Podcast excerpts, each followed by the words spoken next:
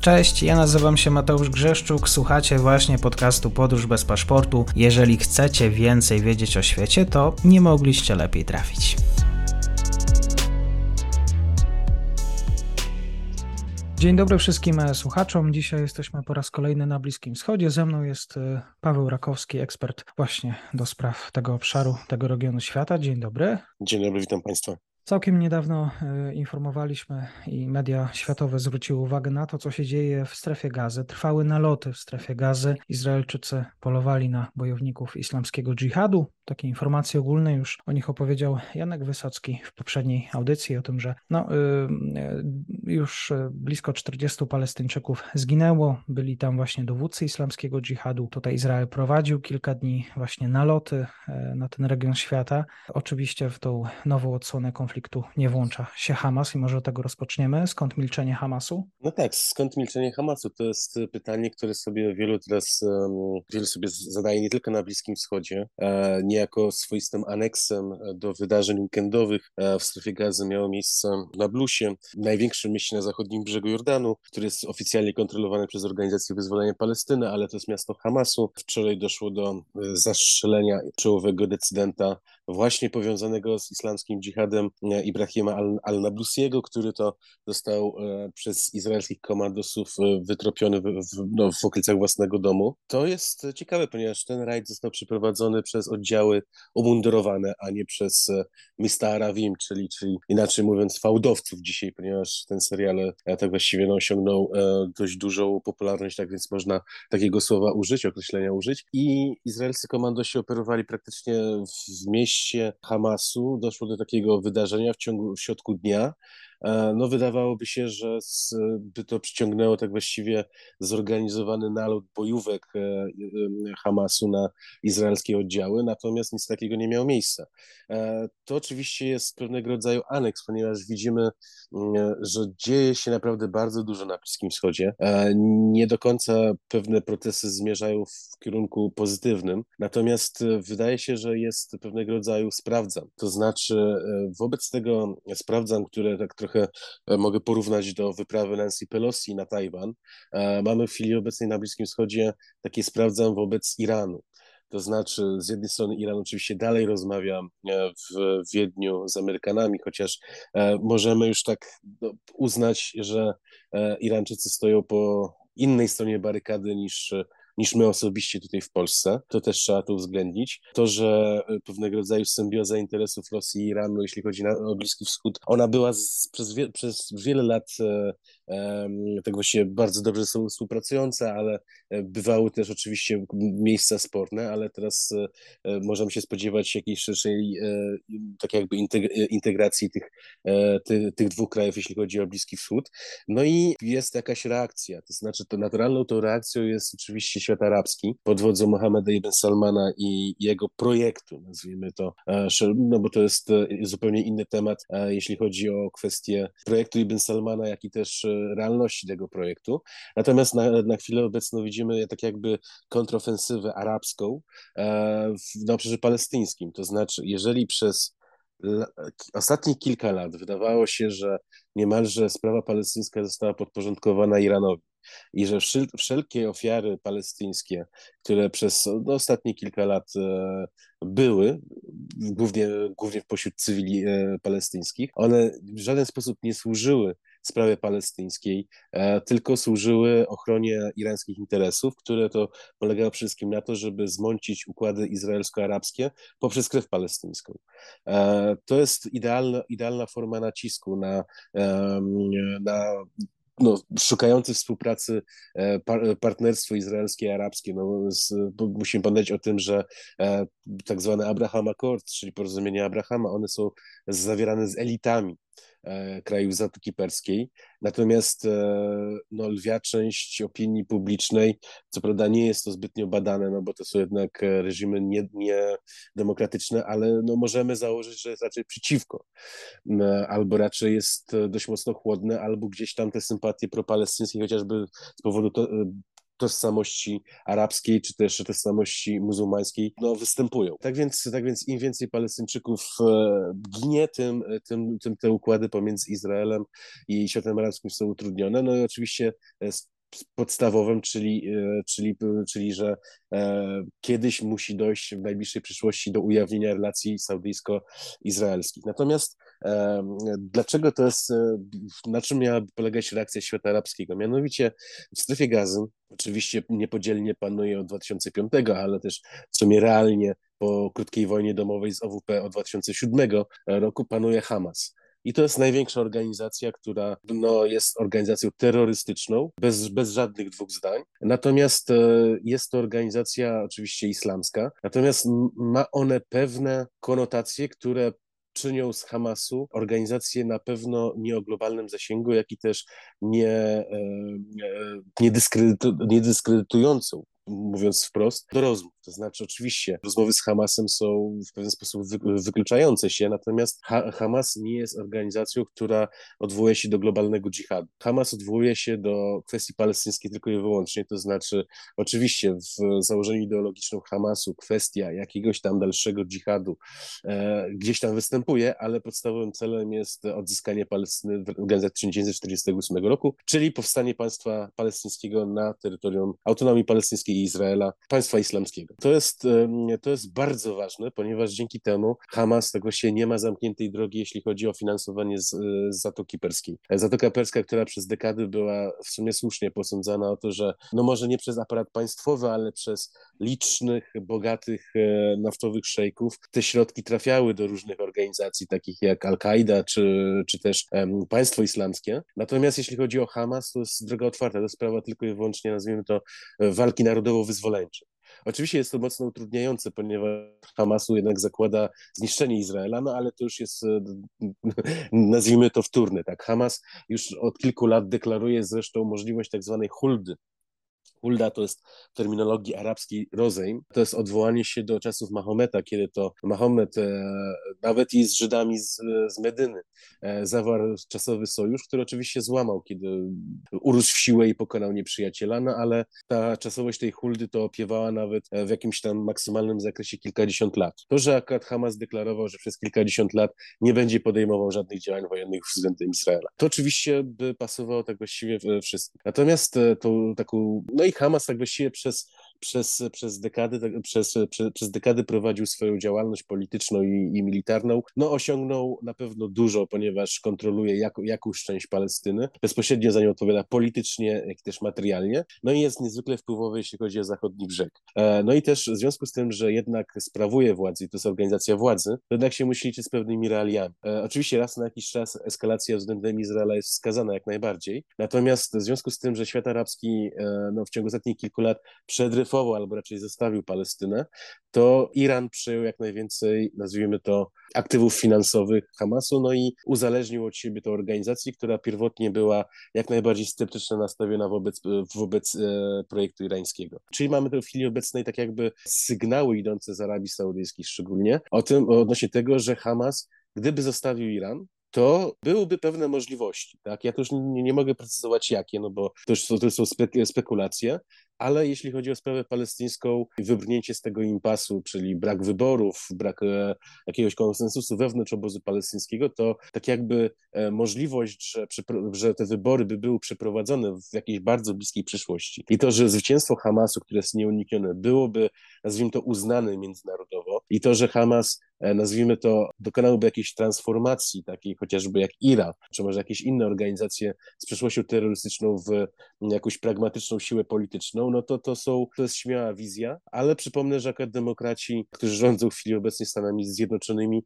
e, no mają takie koncepcje, tak, no, czy no, lubują się w takich koncepcjach, chociaż to jeśli chodzi o Bliski Wschód i świat islamu nigdy nie wyszło, no ale no, nie ma innego rozwiązania. Natomiast mhm. co jest, co jest, co jest, co jest znamienne, jeśli chodzi o, o całą tą sytuację? Mianowicie Hamas nie jest jedyną organizacją i nie jest najstarszą organizacją, ponieważ Hamas e, tak właściwie no, ma w swoim epizodzie, ma, ma w swojej biografii kilka takich epizodów, które moglibyśmy wskazać, albo raczej nawet chociażby Matthew Lewitt, amerykański um, specjalista od spraw właśnie organizacji palestyńskich, który nawet sugeruje wprost, że były momenty współpracy pomiędzy Hamasem i Izraelem. I pierwszym takim taką momentem współpracy to były lata 80., kiedy to sam Hamas nie był organizacją, nazwijmy to bojową, ponieważ on, ta organizacja wyrosła na strukturach e, charytatywnych e, założonych przez szejka Ahmeda Yassina. No i ten Ahmed Yassin w pewien sposób był faworyzowany przez władze izraelskie. Dlaczego? Po pierwsze, przed rewolucją Khomeiniego meczet był, e, szczególnie palestyński meczet, nazwijmy to w, w, w ten sposób, był in, indyferentny politycznie. Sprawa palestyńska była głównie w rękach organizacji lewicowych i powiązanych ze Związkiem Sowieckim, takie jak palestyński OWP, czy tam Ludowy Front Wyzwolenia, Al-Fatah tak dalej, no to to były formacje lewicowe. E, I one tak właściwie były zwalczane przez meczet, który no, był w mocnej defensywie, jeśli chodzi zarówno o sprawę, sprawę narodową, jak i też w ogóle oddziaływanie społeczne. E, to się oczywiście zmieniło po 1979 roku, czyli po rewolucji Khomeiniego i pierwszym takim bardzo ważnym momentem, w którym ta zmiana zaszła, to właśnie było e, tak jakby powstanie palestyńskiego islamskiego dżihadu który co prawda powstał niejako we współpracy z, e, z egipskim Bractwem Muzułmańskim, ale tak właściwie to środki, środki płynące z Iranu w pewien sposób uaktywniły skromne, małe bojówki, które, które no, z, które z, zaczynały aktywność e, nie tylko polityczną, tak? nie, nie tylko propagandową, nie, nie tylko teologiczną, ponieważ to jest bardzo ważne. Hamas jest organizacją, która ma, jest wielowątkowo rozbudowana, natomiast islamski dżihad jest tylko formacją bojową. I tak właściwie poprzez to, że od samego początku jednak ten duch Iranu się unosił e, za tą organizacją, e, no powodowało to, że ta organizacja była tak jakby marginalna i słabsza wobec Hamasu, który no, realnie realizował, nazwijmy to, i religijny, i narodowy interes palestyńskich ekstremistów czy młodzieży, która się radykalizowała z czasem. E, tak więc e, tak jakby tym pierwszym sojuszem izraelsko, e, Izraela z Hamasem był właśnie osłabianie wpływów zarówno Organizacji Wyzwolenia Palestyny, czyli socjalistów, którzy w, latach 80. i 90. No byli jednak dominującą siłą, jak i też islamskiego dżihadu, który był bardzo niebezpieczny. On był bardzo niebezpieczny może nie tyle z tego, jak wtedy on funkcjonował, tylko z tego, tylko chodzi o to, że były tak właściwie dwa projekty islamskiego dżihadu dżihadu, to znaczy e, kierowane z Iranu. Znaczy jeden islamski dżihad był w Libanie i z tego wyrósł Hezbollah, no i drugi palestyński islamski dżihad, który był skierowany w sumie do, do sunnitów, e, no były inne uwarunkowania, no ale izraelskie służby tak właściwie szybko się doświadczyły o możliwościach e, szyitów w Libanie, tak właściwie, tak właściwie starały się wszystko, wszystko poczynić, żeby doszło do marginalizacji tego ugrupowania. I to jest, i to jest o tyle istotne, że islamski dżihad oczywiście w procesie pokojowym e, za czasów Yasera Arafata współpracował z Hamasem i wiele różnych aktów terroru było właściwie robionych, no ale po 2005 roku roku doszło, czyli że kiedy to Hamas przejął tak jakby odpowiedzialność, no to powstał pewnego rodzaju konflikt, to znaczy Hamas e, jako stronnictwo, e, e, które no, realnej władzy, musiał tak, tak jakby odpowiadać jednak, jak były jakieś porozumienia odnośnie zawieszenia broni przy jakimś starciu, czy jakieś kwestie realne, to znaczy opłaty za gaz, nie wiem, jakieś inne, inne kwestie infrastrukturalne i tak dalej, i tak dalej, no to musiał się dogadywać z Izraelem. Natomiast isla, islamski dżihad uważał, że to jest kolaboracja, no ale nie da się inaczej rządzić bez, no po prostu to jest melodia życia, tak? Mhm. Melodia normalnego życia. Dlatego też Hamas e, czuł się e, i w dalszym ciągu czuje się zagrożony tym, że rośnie kolejne pokolenie, a musimy wziąć pod uwagę to, że szczególnie w strefie gazy, no co 5-6 lat, tak, tak właściwie można powiedzieć, że jest kolejne pokolenie młodzieży, tak, no bo tam jest demografia wręcz bombowa. No i to akurat chodzi o to, że dla dużej części młodzieży ze strefy, ze strefy gazy Hamas może być organizacją, nazwijmy to, starych dziadów ludzi, którzy po prostu e, no, stracili ten, e, ten kieł, tak? No mhm. i islamski dżihad to akurat, e, islamski dżihad oraz też pojawiające się państwo islamskie, ponieważ automatycznie tak właściwie motyw drugi, kiedy to powstał sojusz izraelsko, Izraela z Hamasem, był, był wtedy, kiedy pojawił się ISIS. ISIS jest wrogiem, jeśli chodzi o sprawę palestyńską, z tego względu, że jeżeli Hamas uważa, że najpierw Palestyna, a później pomyślimy, co dalej, no bo Palestyńczycy byli pozbawieni tego państwa, tak? Świat muzułmański i arabski przede wszystkim w większości żył te dekady w tych swoich państwach, które no, były różne, tak? Dyktatury, monarchie, reżimy, to wszystko podupadło. Generalnie większość tego wszystkiego podupadła, czyli wystąpiło tak właściwie rozczarowanie e, wszystkimi pozaislamskimi czy pozaradykálno-islamskimi mm, e, ideologiami. Tak tutaj oczywiście w związku z tym, że ISIS nie uznało Palestyny, no to Izrael nie chciał mieć ISIS u siebie, jak i też e, Hamas nie chciał mieć rywala u siebie. No i też, e, też widzimy, że e, to jest, to jest bardzo, bardzo dziwne zjawisko, ale największą popularność ISIS, jeśli chodzi o tereny, nazwijmy to mandatowej Palestyny, to ma na terenie dzisiejszego Izraela. Ale mhm. też okazało się, że Islamski dżihad jest tutaj e, dość mocno się wymienia kadrowo, jeśli chodzi o, e, o państwo islamskie. No i to już jest, e, nazwijmy to, kolej, kolejny dobry motyw do tego, żeby doprowadzić do jakiejś, no, do jakiegoś rozliczenia. Mhm. Konflikt, który, który, który mieliśmy w, w, w, ostatnim, w ostatni weekend, to był no, pewnego rodzaju kuriozum, ponieważ Hamas, będący awangardą tak właściwie działań anty, antyizraelskich, przez trzy dni patrzył, nie strzelał, nie był oszczeliwywany. No i tak właściwie wykazuje pewnego rodzaju bierność, jeśli chodzi o rozliczenia Izraela z islamskim dżihadem, organizacją, która jest, e, tak jak już mówiłem, bezpośrednio podporządkowana Iranowi. No i to jest e, tak jakby z jednej strony też e, sygnał, właśnie tak jak już mówiłem na samym początku, że może jakiś nawrót Hamasu do, do świata arabskiego nastąpi, tym bardziej, że w ostatnim, w, w ostatnim czasie były dwa spotkania E, liderów Hamasu w Bejrucie. Te spotkania to, tak właściwie były totalnie marginalne, jeśli chodzi o jakieś relacje medialne, no ale trzeba wziąć pod uwagę to, że pozycja Hamasu względem Syrii jest bardzo, ale to bardzo wroga, to znaczy Hamas uznał, e, sta, stanął po stronie rewolucji, po stronie opozycji, E, Asada. E, tak właśnie Damaszek był wieloletnim centrum Hamasu, ale bodajże w 2011 roku Khaled Mashal przeniósł siedzibę z Damaszku do, do, do Kataru. I można powiedzieć, że tutaj wystąpiła pewnego rodzaju dwoistość, to znaczy z jednej strony e, rząd emigracyjny, znaczy zarząd emigracyjny w Katarze, a z drugiej strony realność w Gazie.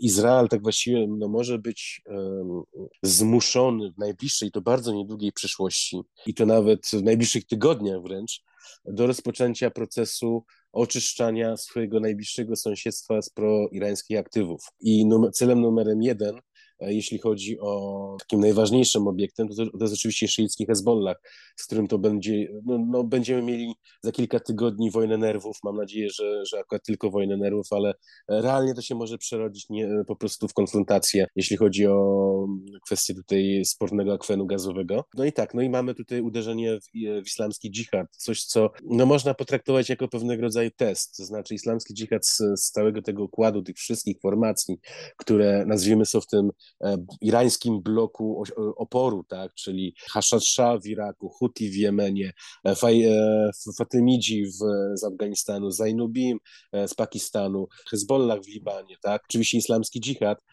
no i też no, doliczamy Hamas albo nie, to już, to już jest, ja już widzę, że, że na przykład izraelscy komentatorzy czasami tam robią takie łańcuszki tych swoich, nazwijmy to wrogów, to Hamas już na przykład wylatuje z tego, no, znaczy zbyt wcześnie, żeby, zbyt wcześnie, żeby dochodzić do takich wniosków, ale coś na pewno trzeba zasygnalizować, że, że coś tutaj się dzieje. Natomiast chodzi o to, że ten konflikt wykazał na, na tle bardzo słabego przeciwnika, oczywiście nie, nierównomiernego, ale dwie bardzo ważne rzeczy. To, że Izrael potrafi się, ma bardzo skuteczną obronę i atak, ponieważ 12 no, wysokich rango oficerów, tak, um, islamskiego dżihadu zlikwidowanego w, przy bardzo niskich kosztach, jeśli chodzi o straty ludzkie, a Gaza jest bardzo trudnym terenem, e, no to to można uznać, uznać za sukces.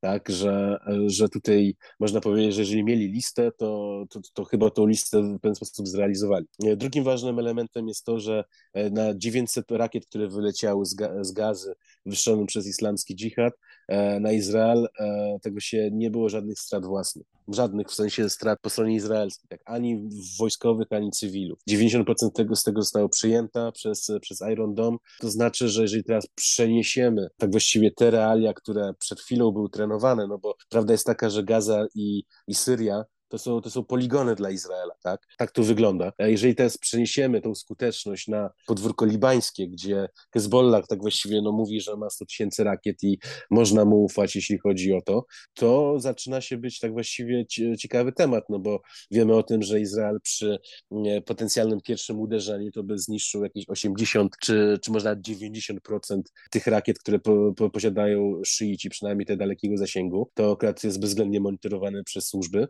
No i by Hezbollah miał z arsenału 100 tysięcy tylko 10%, czyli 10 tysięcy, czyli, czyli, czyli że akurat przy skuteczności 90% okazałoby się, że mm, oczywiście do tego jeszcze jest e, Arrow, do tego jeszcze Izrael ma Patriot, e, tak więc to okazuje się, że Izrael e, tak właściwie no nie byłby skazany na huragonowy ostrzał z granicy izraelsko-libańskiej, tylko wręcz mógłby się po pierwsze obronić bez wysokich strat własnych oraz też dotknąć tak nieprzyjaciela, że, że akurat by nie musiał wchodzić znowu do, do południowego Libanu i się, i się narażać na straty. No i też jeżeli chrześcijanie, druzowi, sunnici zobaczyliby upadek Hezbollahu militarny, no to resztę już by tam się, do, nazwijmy to w sposób tradycyjnie libański załatwiło. Tak więc, tak więc tutaj akurat ostatnie, ostatnie weekendowe wydarzenia to jest, to jest, e, no mówiąc bardzo brutalnie, z jednej strony to jest test, z drugiej strony to jest e, test izraelskich możliwości, e, z drugiej strony jest to E, pewnego rodzaju próba i chyba nawet skuteczna próba, tak jakby e, dołączenia tego Hamasu do pod kapitał, no, no, może, no może nie pod kapitał, ale pod jakiś tam nadzór, nazwijmy to, e, świata arabskiego.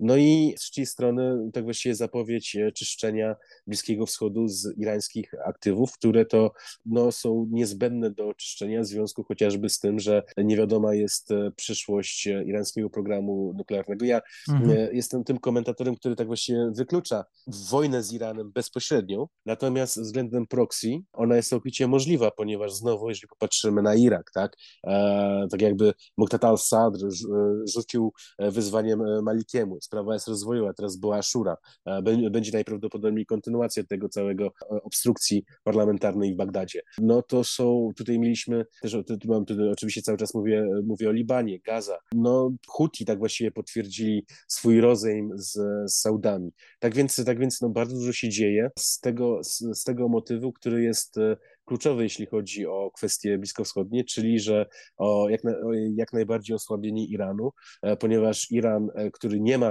porozumienia nuklearnego z, e, z Amerykanami, no to może funkcjonować oczywiście, ale nie może zagrażać sąsiadom, tak? Tak więc, tak więc to jest pewnego rodzaju polityka, która będzie prowadzona moim zdaniem przez najbliższe kilka tygodni i mam nadzieję, że nie dojdzie do żadnej większej eskalacji niż miało to miejsce w ten weekend w strefie gazy.